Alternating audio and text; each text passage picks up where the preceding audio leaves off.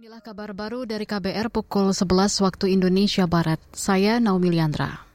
PT Pertamina mengusulkan penghapusan BBM jenis Pertalite dan menggantinya dengan Pertamax Green 92. Direktur Utama Pertamina Nike Widiawati Widiawati mengatakan usulan itu sejalan dengan ketentuan Kementerian Lingkungan Hidup dan Kehutanan KLHK yang mengatur batas minimum oktan yang boleh dijual yakni RON 91.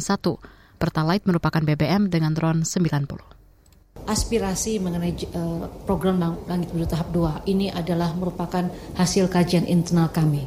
Ini belum ada keputusan apa pun dari pemerintah. Tentu ini akan kami usulkan dan akan kami bahas lebih lanjut. Dan tentu saja ketika ini menjadi program pemerintah Pertamax 92, harganya pun tentu ini adalah regulated. Ya, tidak mungkin yang namanya JBKP harganya diserahkan ke pasar karena ada mekanisme subsidi atau kompensasi di dalamnya.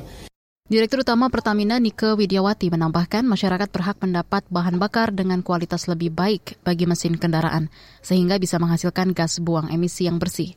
Pertamax Green 92 nantinya akan masuk dalam barang subsidi jenis BBM khusus penugasan JBKP menggantikan Pertalite, sehingga harganya akan diatur oleh pemerintah di luar fluktuasi harga minyak mentah dunia.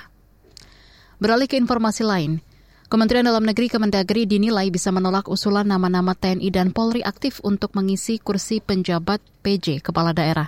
Itu disampaikan anggota Ombudsman Republik Indonesia Robert Na Endi Jaweng.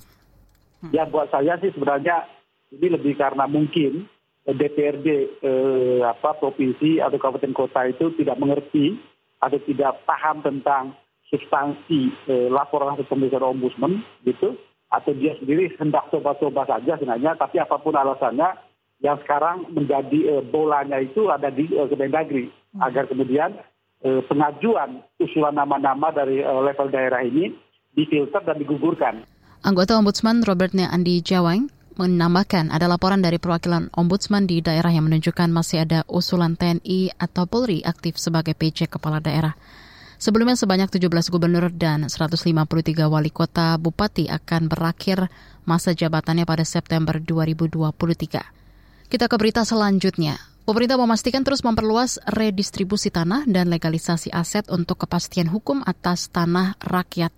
Itu disampaikan Wakil Menteri Agraria dan Tata Ruang sekaligus Badan Pertanahan Nasional ATR BPN Raja Juli Antoni menyepakati agar dilakukan proses percepatan sertifikasi tanah yang bersumber dari pelepasan kawasan hutan melalui pendaftaran tora pelepasan kawasan hutan yang belum bisa ditindaklanjuti dengan redistribusi, redistribusi tanah dalam bentuk peta bidang tanah PBT dengan diberikan nomor identifikasi bidang atau NIB.